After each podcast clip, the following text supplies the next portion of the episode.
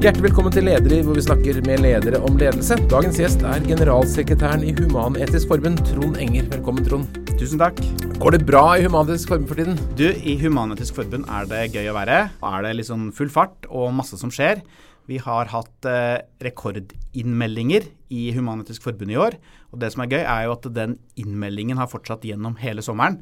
Så vi opplever fullt trykk i alle kanaler, og mange som har lyst til å bli med, og som melder seg inn. Hva er årsaken til det, tror du? Det er, det er, det, Det er det er jo spennende. Det er godt vi har en god tid til å snakke her, men altså, kanskje det Jeg tror noe er at dere har vært gode på Dere har en bra kampanje, er det ikke det? Vi har jobba mye med å få folk til å melde seg inn når de bruker våre seremonier. Og det er klart, vi er jo et livssynssamfunn. Så en av de viktigste tingene vi gjør, er jo å være til stede i medlemmenes liv. Og vi er jo til stede for veldig mange i Norge.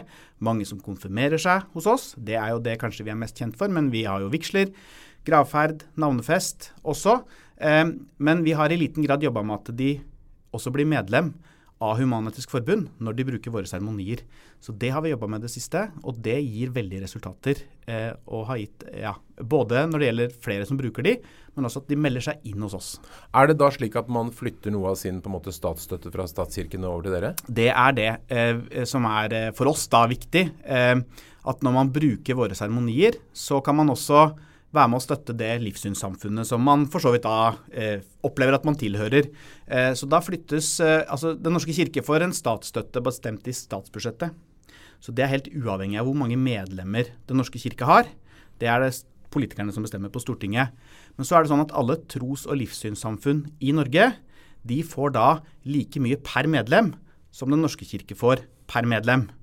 Eh, så for oss eh, er det jo viktig å få medlemmer. Da får vi like mye til å drive et, uh, å være et livssynssamfunn for de som er medlemmer hos oss. Mm. Det som har vært litt utfordringen for Human-Etisk Forbund, er jo at vi har vært et livssynssamfunn for mange flere enn de som har vært medlemmer. Det er jo mange flere som bruker oss enn de som er medlemmer. Så nå jobber vi for at de også blir medlemmer, og da kan vi lage et enda bedre tilbud for enda flere. Mm. Hvor mange medlemmer har du nå? Nå nærmer vi oss 130 000. Når jeg begynte som generalsekretær for eh, litt over fire år siden, så var det 80, litt over 80 000. Oi! Eh, det er jo bra å ha på CV-en. på, de første, på, de første, på de første fire, fire årene eh, så hadde vi en medlemsvekst på 15 000. I år så vi, passerer vi 20 000 hittil i år. Eh, I det femte året, da. Så det er klart at det er nå vi har begynt å Det tar litt tid å få til endringer, men det er klart 15 000 i vekst på fire år, og nå over 20 000 hittil i år. Mm. Eh, så vi er forbi de fire siste årene sammenlagt. Men da må dere gjøre noe riktig på markedsføringssiden. Jeg tror vi gjør noe. Da, det høres ut som vi gjør noe riktig. Ja. Fortell, fortell, litt hvordan dere jobber med markedsføring. Du, ja, altså det er, eh, Vi har gjort om hele måten vi er i kontakt med de eh, foresatte på de som melder barna på konfirmasjon. Det er jo kanskje den største eh, endringen. Eh, det er jo 13 000 ca. konfirmanter i året. Det vil Si det er 13 000 mammaer, 13 000 pappaer og alt det andre. 13 000 hos dere? 13 000 hos oss, ja. 13 000 14-åringer mm. som tar konfirmasjon hos oss. Og så er det altså foresatte. Og det er ofte, ikke alltid, da, men vi kan for enkelhets skyld si én mm. mor og én mm. far, eh, selv om det er alle mulige varianter eh, av dette. Eh, men rundt en 26 000 eh, mammaer eh, og pappaer eh, som er foresatte for disse konfirmantene. og det er jo samtalen med de de sender jo sine 14-åringer på kurs hos oss, eh, og de er med på en fantastisk seremoni. Eh, og da tenker vi at vi spør de foresatte om de også kunne tenke seg å bli medlem. Ja. Og så har vi spurt mange foresatte hva skulle til for at du kunne bli medlem i Human-Etisk Forbund. Og én ting er at man får en liten rabatt for å, for å være medlem, men det som vi har funnet ut da gjennom å snakke med de, er jo at det som et godt argument for at de skal bli medlem, er det at eh, de blir medlem, gjør at dette tilbudet kan være i hele landet. Det er noe som eh, mange tenker ja, da kan jeg bli medlem hvis jeg, det at jeg blir medlem, sørger for at uh, dette tilbudet finnes i hele landet. For det er, sånn, det er jo rimelig å gjøre i Oslo. Mm. Men det er mange steder hvor det er få på kurs, og det er liksom langt mellom, uh, langt mellom konfirmantene. Og der dekker jo ikke det vi tar inn kostnadene vi har. Så det at folk blir medlem, gjør at vi kan være tilby dette til alle, alle som vil. Det er f.eks. Uh, noe som gjør at mange tenker ja, det vil jeg støtte, mm. her vil jeg bli medlem. Hva innebærer det å være medlem? Hva får man som medlem i forbundet? Eh, vi har et eh, medlemsmagasin. Eh, og så opplever jeg at det er mange som knytter dette til litt sånn sin identitet, hvem de er. Eh, og så eh, er jo vi til stede eh, gjennom det seremonitilbudet vi har. Eh, men det er klart det er ikke sånn at man gifter seg hvert år, eller har konfirmanter hvert år. da, og Begravelse det er jo kun én gang, som ja. regel. Så, så, det er klart at det eh, Men det vi ser på nå, og det som dette vil gi oss muligheten til, er jo å være mer til stede. Det er klart at mye av ressursene i Human-Etisk Forbund har gått til eh, til eh, seremoniene. Eh, nå jobber vi mer med å kunne være til stede. Vi har fått to humanister i Forsvaret der det en, var det jo en feltpresttjeneste mm. med en rundt 50 prester som Forsvaret lønner. Eh, nå har vi i hvert fall fått inn to humanister. Felthumanister? felthumanister ja, så bra. Eh, som, eh, som, går inn der. De har gjort en kjempejobb. Vi har ansatt eh, nå tre studenthumanister som er på universitetene. Um, og vi ser også hva vi kan gjøre for å være mer til stede. Du mangler sjømannshumanistene, da? Sjømannshumanister, ja. Kommer de? Eh, ja. Eh, det har vi også. Det er hva vi gjør i utlandet. Men det er i fengsler, mm. det er på sykehjem, det er i sykehus. Altså det er veldig mange steder hvor, hvor vi har vært vant til at, uh, at det, det, å ha noen å snakke med har vært en prest fra Den norske kirke. Uh, og de gjør en fantastisk jobb, bare så det er sagt. Men vi ønsker også å være der. Mm. Og Da må kanskje flere få lov å komme inn her. Eh, noen ting kan vi betale, noen ting kan vi utdanne og være med på. Og noen ting er det jo det offentlige som også betaler.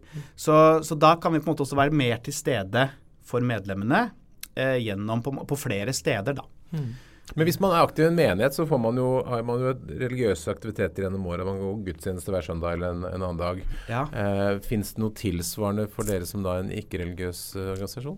Ja, vi prøver ut det òg. I Tønsberg så har vi kjøpt et hus, Humanismens hus, eh, midt i byen. Og der tester vi nå ut eh, muligheter for å på en måte eh, ha flere typer aktiviteter. Og det er det mange steder i landet også. Eh, men dette, vi har ikke helt funnet helt formen på det. Men det er klart vi har jo et forlag. Vi gir ut bøker, debattbøker. Eh, vi inviterer folk til å prate. Vi hadde Under Arendalsuka så hadde vi en stor debatt om utviklingen i USA sammen med Thomas Seltzer. Så Det er på en måte mer den type aktiviteter kanskje vi syns er spennende, mer i tråd med vårt verdigrunnlag. Da, altså demokrati, menneskerettigheter, altså debatter. Ytringsfrihet har vi jobba mye med. Så Den type ting eh, er det jo mulig for oss og for, for medlemmene å delta på. Eh, utover på en måte den tilstedeværelsen vi ønsker å ha gjennom seremonier. Og gjennom kanskje litt de vanskelige tidene man kan ha da, mm. eh, på sykehus eller i fengsel. Eller som student, for den saks skyld. Hvis vi ser på det hele det livssynslandskapet, da, hvordan er markedsandelene til dere, Kirken og de andre religionene sammen? Nei, det vi er eh, 2 er, humane, er medlem i Human-Etisk Forbund. Mm. Og så er det vel en eh, 60-70% som er medlem av Den norske kirke. Så sånn sett er jo vi veldig små. Mye å gå på. Ja, mye, vi har mye å gå på. Vi har mye, mange markedsandeler vi kan ta, ta, der. Og det er klart Hvis du ser på medlemskap, og så er det jo mange som er medlem i andre altså trossamfunn. da. Ja. Um, så, uh, og dette er relativt stabil og tar tid å endre. Uh, men det er klart hvis du ser på, hvis vi spør, da, så er det jo langt flere som vil oppgi at de er medlem av Human-Etisk Forbund, enn de vi faktisk har i medlemsregisteret. Der er vi jo veldig godt selskap med sånn Skiforeningen og Turistforeningen. altså Folk, folk liker å si at de er medlem. Ja. Eh, men det er jo et fantastisk godt utgangspunkt for å få de til å bli medlem. Ja, hvis man er medlem mentalt, så er det bare å få dem inn ja, på, få dem inn på autogiro, så er det der. Ja. Hvor mye koster det medlem? Du, Det er jo også en av de store endringene som vi har gjort. Eh, nå er det gratis å være medlem er... i eh, Human-Etisk Forbund. Eh, men det var jo ikke sånn at når det ble gratis, så var det sånn at da flokket folk seg inn i Human-Etisk Forbund og ble medlem. Det må fortsatt være markedsføringskampanjer, og man må fortsatt jobbe for å få de til å gjøre den innmeldingen. da. Mm. Det, men det gjør det litt lettere å få de til å bli medlem eh, enn det det var før. Det er ikke noe krav fra staten om at det skal være noe egenbetaling for å være med i et tro- eller et livssynssamfunn. Eh, og, og den organisasjonen som du nå da er generalsekretær for, hvordan ser den ut? Hvor mange er det som jobber i forbundet? Du, vi er rundt en 100 eh, stykker. Eh, over halvparten jobber ute i, uh, i land og strand. Mm. Uh, vi har fem uh, på en måte regioner og bistår på en måte med seremonier rundt overalt. Og så har vi en ja, oppunder 50 som jobber inne med regnskap, økonomi, kommunikasjon, HR, på en måte alt det som må til for å drifte organisasjonen. da. Mm. Og dette med generalsekretær, det er på en måte blitt din uh, yrkesvei. du har vært generalsekretær i 4H, du har vært uh, i Venstre, du har uh, Var det liksom barndomsdrømmen? Bli generalsekretær? Bli generalsekretær? Nei, jeg vet det kom seg vel litt sånn til etter hvert. Jeg var jo leder, jeg ble valgt til leder i Norsk studentunion, mm. som det het. Nå er det vel blitt Norsk studentorganisasjon. Men, og da hørte jeg om en jobb i noe som het LNU, Landsrådet for Norges barne- og ungdomsorganisasjoner. Og det var generalsekretærjobb. Og siden det har jeg vært generalsekretær i masse, mange forskjellige organisasjoner, bortsett fra én, og det er jo den fineste tittelen jeg har hatt. Det var når jeg var sjefsagent. Og det var i Miljøagentene, altså Barnas eh, miljøorganisasjon. Og da hadde vi Det var jo det samme som å være generalsekretær, altså man var daglig leder, eh, men da sjefsagent på hovedkvarteret. Eh, men utover det så har jeg fått lov å lede Sin sjefsagent hadde du visittkort med som tittel? Ja, det er det. På visittkortet mitt. Ja, sjefsagent på hovedkvarteret. Jeg syns det var en ja. veldig, veldig, bra, veldig, veldig bra tittel. Ja. Men hva, hva, er hemmeligheten da med å lykkes som, som, generalsekretær? For det er jo litt annerledes enn å lede en vanlig bedrift? Ja, jeg trives jo veldig godt i den sivilsamfunnsbiten. Det er på en måte andre Altså bunnlinja er annerledes da enn i en, en bedrift. Altså vi har, jo, vi har jo regnskap og økonomistyring, vi også. Men det handler jo mye mer om formålet til disse foreningene. Det er jo på en måte det man er oppretta for. Og så er det jo sånn at alle som vil i disse foreningene, kan bli medlem. Og da eier de jo like mye av foreningen eh, som en som har vært medlem i, i, 50 år før deg. Og hvis du melder deg ut, så, så får du heller ikke noe med deg når du, når du går ut. Eh, så det er et åpent fellesskap, og du melder deg inn for å støtte det formålet. Og så er det ofte da generalsekretæren sin, sin jobb da, å styre de ressursene som en forening har for å få mest mulig for å leve, at foreningen på en måte lever mest mulig opp til det formålet. Mm. At man bruker ressursene for å, for å oppfylle det. Eh, og For Human-Etisk Forbund sin del så handler det om å være et livssynssamfunn for humanister. Så det er min bunnlinje. Eh, og det er medlemmene jeg står ansvarlig ovenfor. Eh, om jeg på en måte skaper det som, som de er blitt medlem av. Mm. Og For meg har det alltid vært en sånn spennende, en, helt, en litt sånn annen måte å få lov å være leder på. Eh, som jeg syns er eh, Ja, som jeg trives i, da.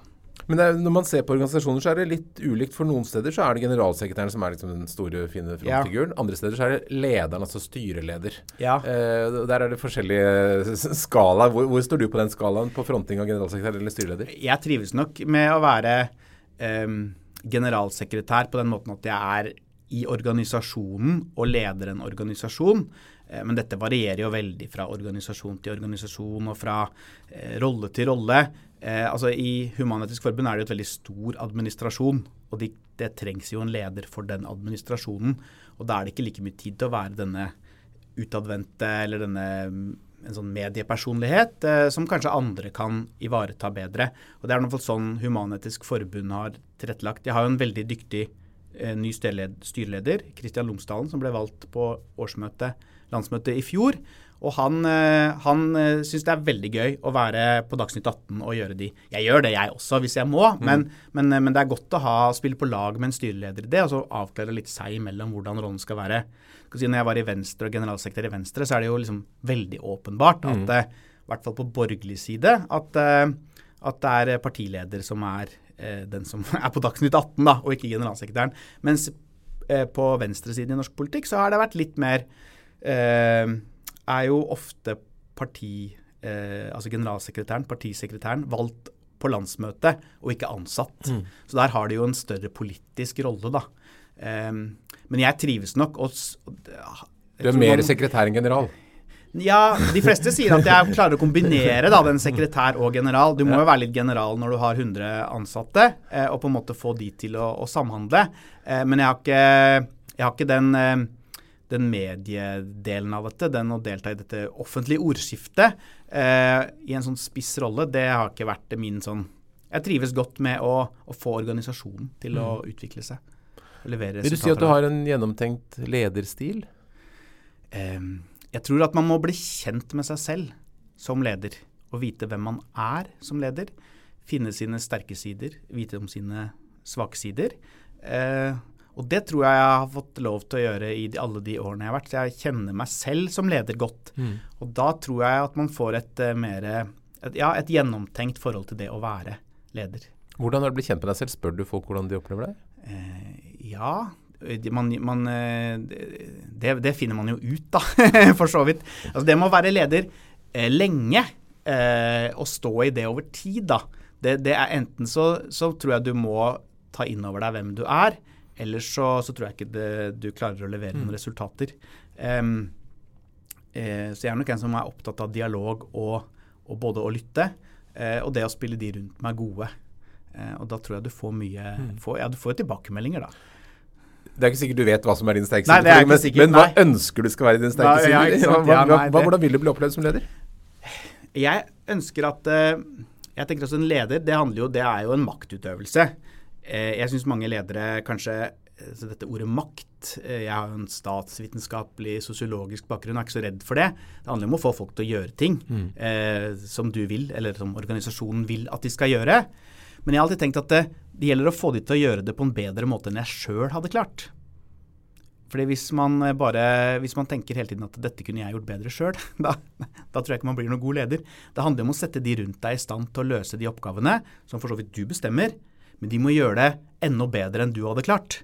Og hvis du får til det, eh, både være tydelig på hva de skal gjøre, tilrettelegge rundt de, også lære de å kjenne hva de er gode på, hva de er dårlige på, Eh, så tror jeg en organisasjon kan, kan, levere resultater. Og Det er en sånn type leder jeg har lyst til å være. En som spiller de, kort fortalt, da, eh, rundt meg gode. Mm. Eh, som de kan som, de, som, lytter til de, men som også er tydelig i tilbakemeldingene. Eh, altså solid og, og, og, en som de vet hvor de har. Mm. Det tror jeg er viktig. Er du en annerledes leder nå enn da du starta i LNU? Eh, ja. Det, det, hadde jo vært trist hvis jeg var akkurat lik, tenker jeg. Men, Um, men ja, um, det er jeg. Og noen ganger så kan man tenke tilbake at uh, liksom, man var jo liksom brå på en del ting. Man blir nok litt mer Lærer seg at ting tar tid. Uh, um, men jeg har alltid tenkt at man skal behandle folk bra. Både på en måte på vei opp og på vei eh, ned, ut. Altså, det, det, det, har på en måte vært en del, tror jeg, alltid av min lederstil. Det å eh, Altså dette, det å ha en jobb og det å, være, det å få lov å lede andre og, og sånn, det er jo en utrolig viktig del av folks eh, liv, da. Den jobben de har. Og de, sånn jeg er blitt kjent med alle mine ansatte, alle ønsker å gjøre en god jobb. Alle ønsker å, å, ehm, å, å lykkes på jobben. Og hvis ikke man får til det, så er ikke det tenker jeg mange ledere kan, det, det ikke er lederens skyld, da, men den ansatte som bare eh, ikke gjør jobben. Mitt inntrykk er at det kan være like mye min skyld. Det kan være like mye lederen sin feil. altså Det er tross alt er bedriften, organisasjonen som har ansatt vedkommende, satt den til å gjøre de jobbene eh, som den skal. og Hvis ikke det går, så må man ta ansvar for det sjøl også. Og Da er det mange ganger man kan for så vidt eh, eh, ja, Man må behandle folk ordentlig og, og, virkelig anstrenge seg. Det er jo kanskje noe av det vanskeligste med å være leder. Er, altså man, jo, man er jo leder ofte på en bestemt måte som man liker å være leder på. Men det er jo ikke alltid det forskjellige andre ansatte. Det er ikke sikkert de trenger å bli leda på den måten du liker å lede på. Mm. Så man må både anstrenge seg for å lede de på den måten de liker å bli leda på. Og så må kanskje den ansatte anstrenge seg litt for å bli leda på den måten som jeg liker å lede på. Jeg er nok litt sånn overordna i, eh, i, måten jeg leder på, eller liksom med tillit og, og gi overordna beskjeder. Jeg er ikke den som liker å bestemme hva folk gjør fra time til time, eller sånn veldig detaljer. Men det er klart noen liker å bli leda på den måten. Og da må vi, Det er på en måte et, en samhandling i det. Og dette tror jeg kanskje jeg har lært mer av gjennom de, de årene. At det, min, at det, at jeg liker å lede på en måte, er det er noe med meg. og det, kan, det, er vanskelig å lære bort da, eller gjøre på en annen måte. Trygghet og en, en forståelse for det, det gjør man det tror jeg man tar tid å forstå som leder. Mm. Er det noen spesielle opplevelser, gode eller dårlige, som har formet eh, deg som leder i den perioden du har vært leder? Ja, det er jo mange, mange opplevelser. Eh, altså det er så mange mennesker, både forbilder og, eh, og eksempler, som, som, på en måte hele tiden tenker jeg er med.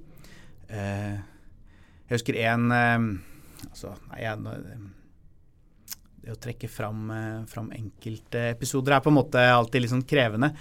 Eh, Noen er jo en, Jeg satt i styret i Frivillighet Norge. Eh, der hadde vi en eh, styreleder, Sven Mollekleiv, eh, som jo er eh, vært, også vært leder lenge. Også vært leder av, altså, han, var da, han var da generalsekretær, nei, president i Norges Røde Kors. Mm. Han har også vært leder av Norsk studentunion i, for lenge, lenge, siden. Men han hadde en fantastisk måte å f.eks. lede et møte på, eh, hvor han lytta inn på alle, og så oppsummerte helt perfekt hva alle hadde meddelt. og på en måte han syns jeg var helt fantastisk å få lov å være et styremedlem og lytte til måten han, han kunne lede et møte på. Så det har på en måte vært et forbilde for meg å klare å lede møter like godt som han, tidseffektivt. Folk måtte være forberedte, folk måtte komme inn i møtet og vite hva de ville, og hva de ville prøve å oppnå. Og så fikk alle lov å snakke lite grann. Mine ledermøter også, tror jeg er ganske intensive, for mm. jeg forventer at de er forberedte. Så lytter jeg inn på alle, og så må man på en måte gjøre noen beslutninger da, og gi noen føringer. Og den måten han gjorde det på, har på en måte vært en måte å eh, det, på, på, akkurat det å holde sånne møter, da, har mm. det han vært en inspirasjon for meg. Det tror jeg er et område hvor mange har mye å lære. Ja, det, det å være god eh, Min private e-postadresse den er ordstyrer.no.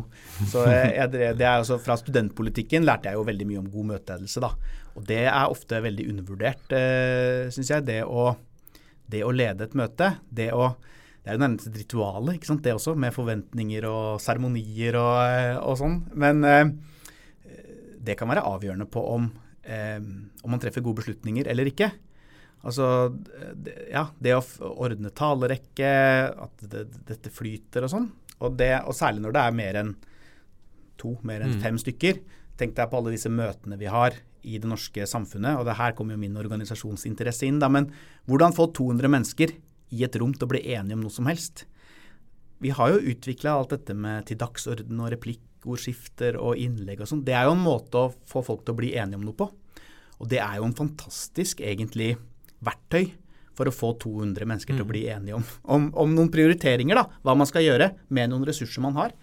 Og det å tilrettelegge det på en god måte, det fascinerer meg hvor egentlig hvor viktig det er for hele det norske samfunnet. Dette demokratiske, disse generalforsamlingene, disse medlemsmøtene. Det er jo Eh, ja, nei, Norge hadde ikke vært Norge uten det verktøyet og den måten å gjøre det på. Og jeg tror noen ganger at det er litt liten bevissthet rundt hva som skal til for å skape gode beslutninger i sånne møter. La oss ta en, sånn, en sjekkliste. Hva skal til for at et møte er perfekt? ja, det er jo først og fremst en god ordstyrer. ja, ja. Trond stiller ja, møtekurs. God ordstyrer. Ja, og hva skal han gjøre? Nei, altså Du må være veldig presis på uh, uh, Alle må være forberedt. Mm. Det pleier jeg å si når jeg har sånn opplæring av så da krever det en god innkalling, så folk vet hva de skal ja, snakke om. Ja, Sakspapirene i tide, og folk må ha lest sakspapirene. Og ting går ganske fort, og du må vite hva du vil på møtet. Eh, og så er det å ha respekt for på en måte den måten en sånn, et innlegg og replikk det replikkskiftet er på. Mange snakker f.eks. på sånne talerstoler da, om altfor mye. Mm. Og da fungerer ikke dette replikkordskiftet, for man kan tegne seg til en replikk, noen andre i salen. Men hvis du har snakka om fem ting, så er det på en måte eh, Det er ikke rom for en debatt på, det, på alle de eh, temaene. Eh, så, replikkene blir på en måte da Går replikkene på dette, så får man en svarreplikk. Og så går man videre til neste innlegg. Og det er jo noen som har tegna seg for lenge siden, og det er ikke relatert til det forrige innlegget. Folk tror ofte det skal være en debatt imellom innleggene, men det skjer i replikkene. Og så tror jeg det må være gode altså det å forstå voteringsrekkefølger, og det at en ordstyrer klarer å, å, få fram et flertall i salen. Og det er jo en Det er jo makt. Maktutøvelse, da. Det er jo eh, Det er jo altså, Det er ikke alle som vet, men f.eks. på Stortinget så stemmer man helt til et forslag får flertall. Det vil jo ingen annen organisasjon eh, finne på å ha den type voteringsrekkefølge. Da setter man jo forslagene opp mot hverandre, og så ser man hvem av de som får flest stemmer. Mm. Eh, og så finner man på en måte det neste forslaget og setter opp imot. Og, og hele den prosessen her, eh, det at det er gjennomsiktig og, og, at man bruker de rette voteringsrekkefølgene for å hente fram det flertallet, sånn at dette har legitimitet, da tror jeg du kan få et, eh, en god debatt, god debatt, god votering som er eh, forstått. Da kan du få beslutninger som alle kan slå seg til ro med, og som kan eh, og som kan stå seg, selv om noen ikke er enig. Mm. Det er det som er ikke sant? Det, er, det, det er jo en, en, konfliktløsningsmaskin, et sånt møte. Og så ligger det mye makt i referatet?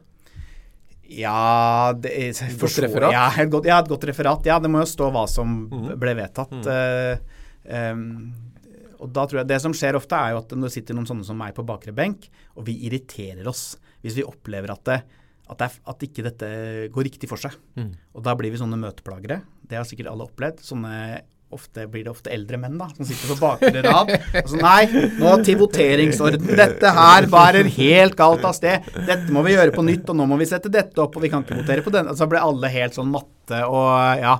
Men dette er en sånn demokratisk grunnrefleks som en del eh, eldre herrer ofte da får etter hvert. Hvor de blir For det er så mye makt.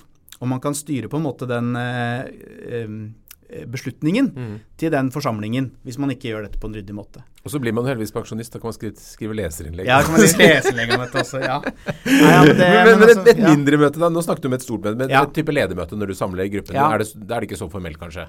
Nei. Hvordan, blir det, hvordan, blir det, best, hvordan blir det best mulig? Du vet at et ledermøte, det jeg pleier å si, det er jo ikke et demokrati. Det er ikke sånn at vi stemmer til slutt. hvordan, hvordan, hvordan, gjør man et godt ledermøte? Jeg tror Der også handler det om å få at du må få eh, Det jeg er i hvert fall opptatt av, er at jeg kan ikke bare ha folk som sitter og nikker. Jeg må få motargumentene eh, inn på møtet. De må være forberedt, og de må vite altså de må, eh, Og det må være rom for å kunne si fra om det.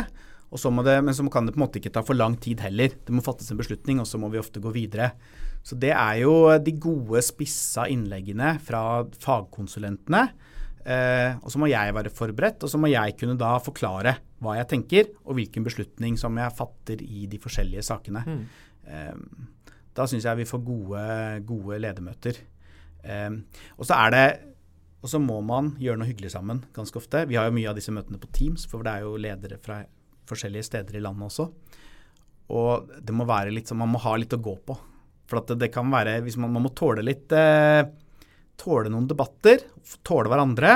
Og da hjelper det at man har vært ute, kanskje spist middag sammen, eh, tatt et glass vin, altså mm. gjort litt sånne ting innimellom for å, holde, for å liksom tåle litt hverdagen. For det er, har, det er jo tid, tid som er eh, det krevende, syns jeg, da, som leder. Eh, det er jo mange, mange, ting man har lyst til å gå inn i. Mange ting man har lyst til å, å på en måte kanskje skulle lært enda mer om, men, men man må jo fatte en beslutning mm. også. Men ja. dere er jo da um, Human-Etisk Forbund ja. med livssyn og etikk. Er det, betyr det at det også etiske spørsmål er på agendaen på ledermøtet f.eks.? På den måten at ja, når vi skal snakke om de papirene som skal til politisk behandling, så kan det være, kan det være at vi må diskutere det også. Men jeg, jeg kan si at eh, i all hovedsak så dreier møtene seg om på en måte eh, det administrative. Eh, ja, eh, samhandlingen. Altså mm. det er jo Du kan tenke deg med å arrangere konfirmasjonskurs for 13 000 rundt i hele landet. Alle seremoniene, økonomisystemene, HR. altså det, Alle disse tingene tar jo mye tid, da. Mm. Eh, og så er det jo bare det å få til Altså det vi har fått til nå, med å få eh, så mange nye medlemmer, det har krevd et samarbeid på tvers. Det er ingen enkeltpersoner som får til dette aleine. Her har liksom uteavdelingene kommet inn tidlig med masse informasjon om når kursene er, seremoniene er. Kommunikasjonsavdelingen har, har jobba med dette, IT Her har vi fått til et samarbeid. Og sånne ting, mm. det å få til samarbeid på disse siloene, som jo fins så mange steder, det tar tid. Det, er, og det jobber vi mye med. Og det er også en sånn Da må man være litt tålmodig. og også eh, det er, som, det er, kanskje det beste rådet jeg har fått også. Noen ganger er det sånn Trond, du må også lære når du skal være stille. Og det tenker jeg en del på. at det Noen ganger så er det altså jeg som må være litt stille, og ikke kaste på enda flere nye ideer og komme enda noen, eh, altså, gå enda noen skritt. da. Man må på en måte la ta, ha tålmodighet til å få til resultater på det man allerede holder på med, og ikke liksom se nye muligheter hele tiden. Det tror jeg også er en, det er altså noe jeg tror jeg har lært som leder, eh, særlig i, tror jeg, i Human-Etisk Forbund, hvor vi har så mye ressurser og så mye vi har lyst til å gjøre. Eh, en litt tålmodighet på å, å, å få til resultatene mm. før man kaster seg i vei med det nye. Men er det noen sammenheng mellom det å være humanetiker og være leder? Fins det en humanetisk lederstil? Eh, ja, for meg henger det veldig sammen. Eh, det å se mennesket. Eh, men jeg vet ikke om det er noe som skiller seg fra veldig mange andres lederstil. Eh, det er jo mer sånn her Fins en slags religiøs lederstil? Jeg vet ikke. Mm. Det, det gjør vel Innen visse religioner så ja, er det ganske ja, hva skulle, hva skulle i så fall det vært ja. på andre mm. siden, da? Mm. Eh, altså Jeg tar veldig utgangspunkt i, i det, eh, det menneskesynet vårt. og eh, det at ja, individer skal lyttes til, og eh, og har liksom en verdi og alt. Opplever ikke at det er veldig stor forskjell fra, fra noen andres lederstil i andre, eh, andre trossamfunn. Eh, men, men, altså, vi, vi, er jo på denne Vi er jo opptatt av det livet vi har, da. Og at det skal leves. Man må finne, man må finne mening i sitt liv. Og jeg vet jo at mange som finner mening på jobben. Mm. Og vi kanskje legger mye vekt på det. Det at man skal kunne Vi har fellesarenaer for alle ansatte hvor man eh, hvor vi også prøver å tilrettelegge for den, den, den, det å finne en mening i, i jobben. Da. Mm. Men er det annerledes å lede en livssynsorganisasjon enn å lede en hvilken annen frivillig organisasjon? Jeg vet ikke, jeg tror det er eh, Om det var forskjell fra Venstre til Human-Etisk Forbund, det er jo en slags religiøs ja, ja, ja. nei, men, Det er livssyn begge deler. Det begge deler, ja, nei, Men det er eh, altså det, det uh, Jeg tror det som uh, I frivillige organisasjoner generelt, så tror jeg at folk opplever en verdimessig tilhørighet, også i HEF og i Venstre og i Miljøagentene. At de, de, det er en del av den identiteten. Og det er på godt og vondt, da. Det betyr at man ofte gir enda mer til eh, sin stilling. Men eh, du kan ikke bare skifte.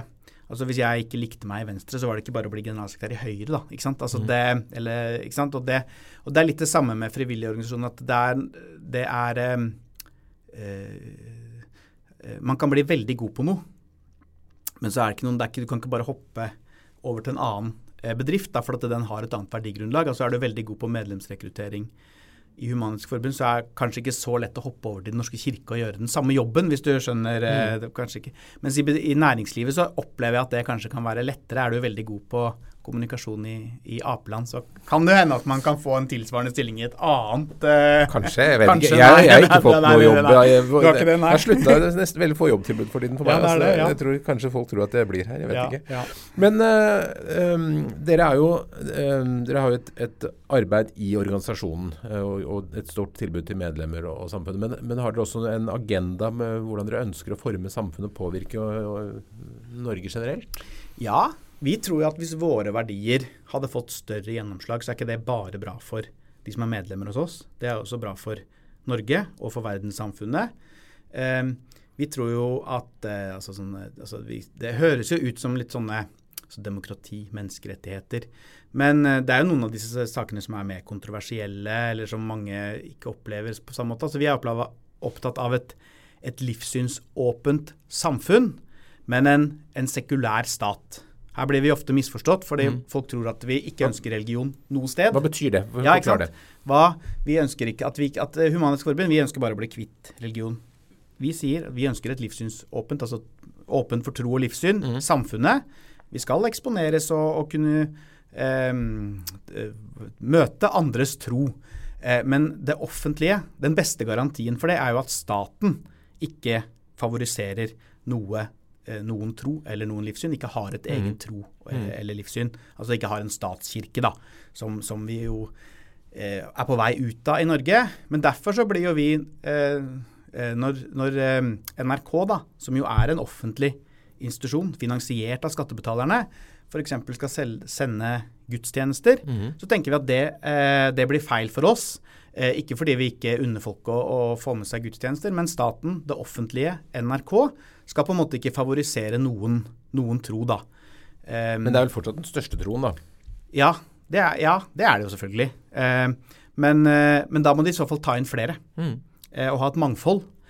men vi tenker jo ofte at det enkleste er likevel at det, at staten ikke har en, en, tro. At ikke dommere sverges inn med å legge hånda på en bibel. Mm. Altså det, det, skjer, men det skjer jo andre steder, da. At man har, at staten har en, har en, en tro. Eh, men det betyr ikke at vi ønsker tro ut av samfunnet. Vi ønsker bare at den skal være en del av samfunnslivet.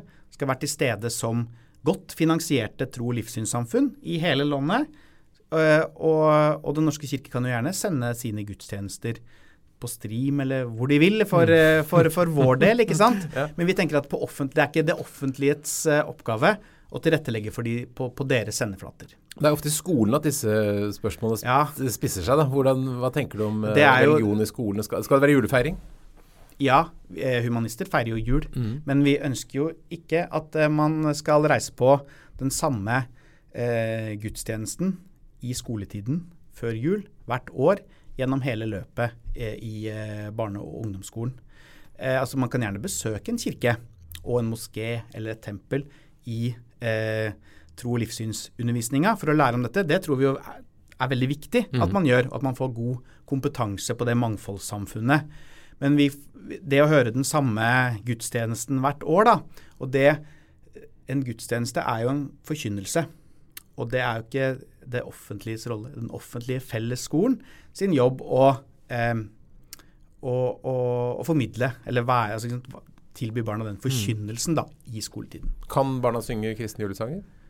Eh, ja, altså Jeg har ikke noe sånn Det er ikke eh, Det er jo sånn at det er ikke jeg som bestemmer det. Det er jo de foresatte som bestemmer eh, hva grensene for sitt eget barn eh, går. Og jeg, Noen foreldre mener jo at de ikke burde få lov å synge eh, kristne julesanger.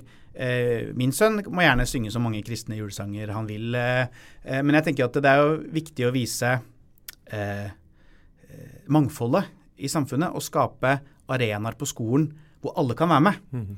Og det er jo Nå går jo min sønn på en veldig mangfoldig skole i, i Oslo. Og da tenker jeg at når de skal gjøre en felles avslutning på, på, på, skolen hans, så ville det være rart hvis det bare var halvparten av elevene som fikk lov å være med på den, mm. og den andre halvparten måtte ha et alternativt opplegg. Det er jo, det er jo derfor Vi ønsker å skape fellesarenaer, da. Og da tror jeg kanskje ikke det er så lurt å bare synge kristne julesanger og gå rundt et juletre og reise på en, eh, en gudstjeneste, da. Da tror jeg du må skape andre ting. Eh, og så er det jo masse ting med jula som kan være eh, som, kan, som alle kan være med på. Så øh, Gudstjeneste på NRK er én ting. Er det andre ting du gjerne kunne ønsket deg forandret i samfunnet? Altså det Norge, Vi er jo veldig heldige som bor eh, her, da. Og det jeg tror, og det vi har jobba mye med i Humanisk Forbund, er på en måte Det er mange småting vi kan ordne med her, som vi, vi holder på med. Men det er jo situasjonen generelt i verden Altså med, det, det, er jo mange ting å snakke om her, også sånn eh, krig i Ukraina og, og, mye som skjer. Men også situasjonen for humanister og ateister i verden har vi vært, eh, vært opptatt av. Eh, ofte er det jo krevende å være ikke-troende i mange land. Eh, det er jo dødsstraff for å ha det livssynet jeg har i, i ganske mange land i verden. Eh, eh, og det å skifte tro, det å gå ut av en tro, det å si at man er ikke-troende, det blir vanskeligere og vanskeligere mange steder i verden. Eh, og det er også et eh, Mange av de verdiene, de liberale, demokratiske verdiene, menneskerettighetene, ytringsfriheten, opplever jo vi at er under press i verden. Kanskje ikke i Norge på samme måte ennå, men det har jo vært anslag mot, mot det å få være hvem man vil, mm. også her i landet. Og det tenker jeg jo kanskje er en større og viktigere Hvis jeg skulle endre noe, da, så er det kanskje der jeg ville gått enn en skolegudstjenester. Hvis mm. jeg kunne velge hvilke saker jeg skulle snakke om. Det er jo ofte medier som ringer oss om, om skolegudstjenestene i desember. Det vi jobber med, som vi, det er jo å sette ytringsfriheten på, på agendaen. Eh, eh, retten til å være hvem man vil. Eh, retten til å leve som man vil. Det å ha seremonier i sitt liv, da. Eh, uavhengig av hvem man vil gifte seg med. Der er jo på en måte Human-Etisk Forbund vært, eh, vært veldig en pådriver mm. for at det skal kunne være ja, eh, med eh, Også for homofile, f.eks. Så her er det jo det er den type saker som jeg tror eh, jeg skulle gjerne hatt mer mulighet til å endre på, mm -hmm. enn eh, en akkurat liksom disse en rekke litt små saker i Norge som vi ofte blir tatt inn i debatten på, hvis vi ser mot verden, så er det jo virkelig store utfordringer å ta tak i. Dere er jo en organisasjon med mange frivillige. Det er frivillige mm. som utfører seremonier osv. Hun vet ikke faktisk hva det heter. Hva kalles det? vi det, kaller det frivillige, vi ja, også. Ja. Uh, det, hvordan står det til med frivilligheten? Vil folk uh, stille opp? Ja, det, vi er jo veldig avhengige av frivillige i hele landet for å gjennomføre alle de kursene og alle de seremoniene som vi har. Noen må komme før og sette, stable stolene. Mm. og og eh, bestille blomster og underholdning og arrangere disse. Det er klart, Men der ser vi jo at det har vært en eh, generasjon som har holdt på med det lenge. Mm. Eh, så vi også jobber med på en måte å finne nye da, eh, eh som kan, eh, kan overta. og vi ser nok at vi må kommunisere og, og, kanskje legge opp dette på en litt annen måte framover. Uh, vi, det er en debatt. Vi, landsstyret skal behandle en, det de kaller en frivillighetsstrategi eh, til høsten nå, for å se liksom, på om vi kan finne nye måter å, å, rekruttere veldig mange av de som blir medlem, til også å se om de har lyst til å, bidra og, mm. og, være frivillig på noen av seremoniene. Mm. Kanskje året etter de var, hadde konfirmant selv, at de kan stille opp for, for neste års eh, konfirmanter. da. Mm. Er det noen etiske dilemmaer du grubler mye på i forbindelse med lederrollen? Oh, I forbindelse med lederrollen? Jeg syns jeg grubler på den hele tiden, jeg. Ja, men hvor mye sånn altså, ja, altså, Det er jo stadig saker hvor du gjør krevende vurderinger. Eh, både for så vidt på det politiske og det overordna. Men jeg vil jo, det som slo meg med en gang, handler jo ofte det om å, eh, å behandle medmennesker, ansatte, tillitsvalgte på en god måte. Du står jo i ofte i, krevende saker, som på en måte ender til slutt hos generalsekretæren da, for mm. å ta en beslutning. Det, det, det flyter liksom ja, det, dit til slutt. Og Det er klart, det er ikke, det er ikke lett. Altså og det, er klart at I organisasjonslivet generelt eh, og i HEF så har man jo denne miksen av tillitsvalgte, eh, eh, ansatte, unge, gamle kvinner og menn. Eh, det er jo en eh, på, på sosiale arenaer så skjer det jo eh, ja, det, folk, eh, det, skjer ting overalt. Og det kan være steder der hvor noen føler eh, seg behandla på, på, forskjellige måter, uten å gå liksom i detalj på dette. Mm. tror jeg, Her er det mye. Mm. Og det syns jeg ofte det er, det er, krevende, konkrete etiske vurderinger som må gjøres. da. Eh, hvor man fatte, og som må man må fatte faktisk en beslutning som mm. påvirker noen. Jeg har jo et mandat, vi har et varslingsreglement hvor man kan varsle inn eh, varsle inn opplevelser man har hatt som tillitsvalgt og for så vidt ansatt eller hva som helst i Human-Etisk Forbund. Og det, Da må man for det første en, gjøre dette på riktig måte. Med, det er mange beskrevet mye prosesser rundt dette, men til syvende og sist så ligger det til generalsekretæren da å gjøre en beslutning i den saken. Hvordan, og kunne også sette noen sanksjoner. Hva gjør du når du skal, ta en, når, du skal, når, du skal, finne svaret på en vanskelig beslutning? Eller løse godt det? Jeg, for det første så har jeg mange jeg kan lytte til. og altså, Det kan jo ikke diskutere dette i det brede, det, men jeg har en del som jeg syns det er bra å prate med eh, om dette. Eh, så det å, å, få gode råd. Eh, men til slutt så er det jo på en måte Du må på en måte tenke litt igjennom da, eh, og lese sakspapirene godt. Eh, kanskje prøve Jeg prøver ofte å sette meg inn i situasjonen til begge parter, da. Og prøve å oppleve det fra dens side, og hva er da en rimelig reaksjon på den, eh, på den opplevelsen. Det er jo ofte eh, to, to, sider av en sak. Eh, ja, nei, Jeg vet ikke om jeg har noen gode råd mm. til det. altså. Det er alt, det er, Og det er ingen sak er lik heller. Nei. Det er vel kanskje det som eh, slår meg etter så mange år. da, For dette, dette handler jo ikke bare om i hef, men jeg har jo en, en lang historikk bakover det er vel hvor forskjellig alle disse sakene er. Eh, at, at, ingen Jeg opplever at ingen er like. Og du er nødt til å gå inn i den, den enkelte særegne saken for å klare å, å gjøre en, en, beslutning. Men det er klart, det har jo eh, Ja, nei, jeg er jo ikke eh, Altså, vi er jo ikke en domstol. Eh, og det er klart at det er også noe å vite at hva grensene for hva jeg kan eh, si, og hva som faktisk da må bli en, en sak som skal mm. over i et, et, et rettssystem, mm, rett og mm, slett. Helt til slutt, eh, Trond. Eh, hvis det kommer en ung person til deg og sier jeg vil bli leder, jeg vil liksom ja. bli generalsekretær, generalsekretær ja. Hva er de tre viktigste Gi, gi tre gode lederråd. Tre, ja. Jeg tror bli kjent med deg selv som leder, eh, som vi snakka om eh, før, det tror jeg det er i hvert fall det som jeg opplever har vært eh, viktig. Og så, så hvis det er det første, så vil jeg det andre er det fins liksom ingen quick fixes. da. Det er ikke én bok eller én én modell som, kan, uh, som kan, kan, gi deg svaret på hvordan være en god leder. Jeg tror jeg finner glede i å ha et mangfold av modeller. Og så kan du hente litt og bruke fra veldig mange forskjellige av disse modellene. Um, det, det tror jeg er um, Så skaff deg, skaff deg, mange modeller, mm. mange forbilder. Stjel fra mange. Mm. Lær av mange. Mm. Le, se hva du selv tenker. Uh, og det siste, kanskje vær tålmodig.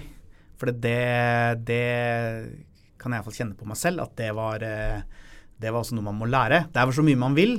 Uh, årene går noe fort, og fortere og fortere kanskje, men, men man må være tålmodig. Så på den måten at man gjennomfører og skaper resultater på det man igangsetter, før man starter Trond Enger, tusen takk for at du kom til Lederliv, og lykke til videre med veksten i Human-Etisk Tusen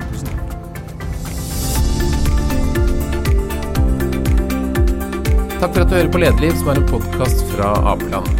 Redaksjonen består av Ingrid Hagneland, Lars Golden, Lars Jarle Melum og Ole Kristian Apeland, som er meg.